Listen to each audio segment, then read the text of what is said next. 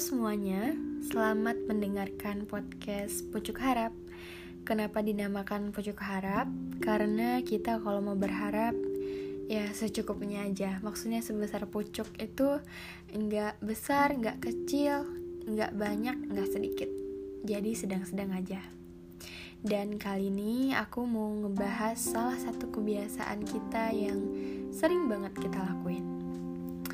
Ketika kita lagi di titik terendah, lagi ditimpa masalah, lagi ditimpa hal-hal yang hmm, kurang mengenakan, kita kan bawaannya selalu pengen nyari kambing hitam ya.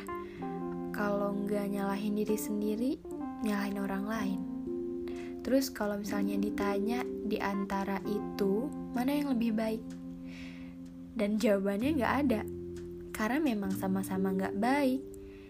Nyalahin diri sendiri artinya kita memang bersiap menjadi korban atas keadaan yang kita ciptain sendiri dan nyalahin orang lain artinya kita memang gak kenal sama diri kita sendiri. Jadi kita gak bisa nerima diri kita apa adanya. Ketika kita ngelakuin kesalahan, ketika ada hal-hal yang kurang baik dalam diri kita, kita gak mau ngakuin itu dan menimpakannya ke orang lain. Yang orang lain itu sebenarnya gak tahu apa-apa. Dan itu gak adil kan buat mereka. Jadi, sebelum nyari kambing hitamnya, alangkah lebih baik nih kalau kita bisa memaafkan diri sendiri. Memaafkan diri sendiri sama merasa tidak bersalah itu beda ya teman-teman. Kalau memaafkan diri sendiri artinya kita memang dengan kesadaran kita mengakui kalau kita membuat kesalahan. Kita tahu kita salah, kita mau mencari jalan keluarnya dan kita bertanggung jawab. Tapi kalau merasa tidak bersalah, artinya kita tidak menerima diri kita ini melakukan kesalahan, dan itu adalah bentuk dari keegoisan. Sehingga, kalau lama-kelamaan itu bisa memperburuk relasi pertemanan kita, karena nggak akan ada orang yang mau berteman sama orang yang hobinya menyalahkan orang lain. Nah, kalau misalnya kita udah bisa nih memaafkan diri sendiri, selanjutnya kita masuk ke tahap yang mungkin dibilang hmm, agak susah karena kita harus mengingat-ingat kembali hal-hal apa yang membuat tidur kita tidak tenang, hal-hal yang membuat kita menangis sebelum tidur.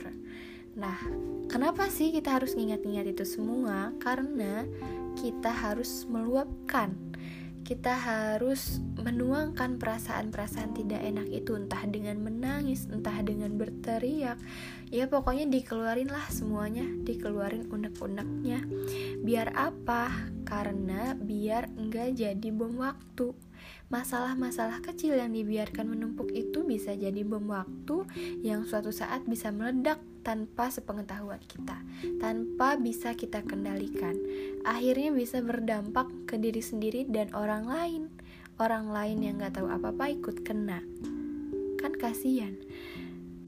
Karena itu, kalau dari sekarang gak ada salahnya deh kita untuk bisa lebih berani speak up Gak masalah kita menyuarakan isi hati kita. Kita ngasih tahu orang-orang hal-hal yang bikin kita gak nyaman Hal-hal yang uh, kita gak suka Itu bukan suatu penolakan ya.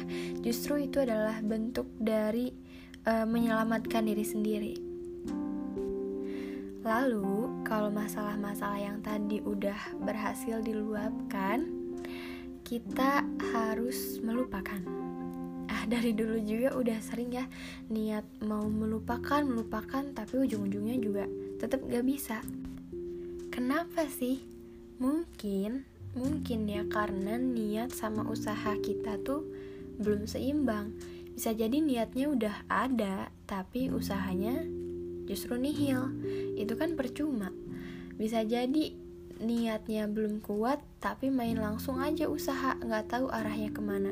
Nah itu juga nggak akan nemu ujungnya. Memang yang paling bener tuh kayaknya ya harus dimulai dari diri sendiri. Mulai mengenali dan menggali potensi yang ada di dalam diri. Kita gali kita kembangin dan siapa tahu uh, syukur-syukur itu bisa berguna buat orang lain bisa berguna buat orang lain, bisa membahagiakan orang lain kan itu menjadi hal yang berharga ya. Gak bisa kita tukerin dengan uh, apa pun. Apalagi orang lain bahagia karena kita. Nah, itu luar biasa banget. Bisa membuat perasaan kita lebih baik, bisa membawa kita ke kehidupan yang lebih baik dari sebelumnya. Kamu pasti udah sering banget dengar orang bilang, "Jangan ikutan kejam sama diri sendiri kalau dunia udah kejam. Kalau dunia udah jahat, kamu jangan ikutan jahat juga. Dan itu memang ternyata benar adanya. Di dunia ini nggak ada yang bisa jadi pelindung diri kita sendiri ya selain kita sama Tuhan kita. Karena orang yang saat ini dekat dengan kita pun yang lebaynya kita bilang dekat sedekat nadi pun bisa jadi di suatu saat mereka nggak lagi berpihak sama kita. Karena kita nggak bisa menolak masalah-masalah yang akan datang yang mungkin bisa jadi pemisah kita antara orang ini. Dan karena itu kita memang harus mengandalkan diri sendiri untuk diri sendiri. Tapi ingat kamu diminta untuk jadi pelindung diri bukan berarti kamu harus menutup diri juga atau mengisolasi diri ya lebih parahnya. Jadi ketika kamu ngerasa lagi kurang bahagia, uh, bisa lebih baik kamu harus memaksakan diri untuk keluar, untuk bertemu dengan teman-teman, dengan keluarga. Ya untuk sekedar mendengarkan cerita mereka, bertukar cerita, syukur-syukur bisa ketawa bersama kan itu uh, alhamdulillah banget ya. Jadi pas pulang ke rumah kamu bisa membawa perasaan bahagia bisa membawa perasaan yang lebih lega gitu. Tapi kita kan sebagai manusia pasti pernah ya di suatu hari tuh pengennya di atas kasur aja. Gak mau ngelakuin apa-apa, gak mau mikirin apa-apa, gak mau ketemu siapa-siapa ya. Ngunci dirilah di kamar. Itu sebenarnya gak apa-apa gak masalah. Tapi kalau berkepanjangan baru jadi masalah. Karena kalau lama-kelamaan hal-hal seperti itu justru semakin kita uh, semakin membuat kita larut ke dalam pengasingan. Yang terakhir nih, yang paling membahayakan tapi sering kita lakukan adalah uh, kepayahan dalam mengatur harapan. Jadi sebenarnya kalau ditanya berharap itu boleh nggak sih? Boleh, tapi uh, lihat dulu kuantitasnya gitu.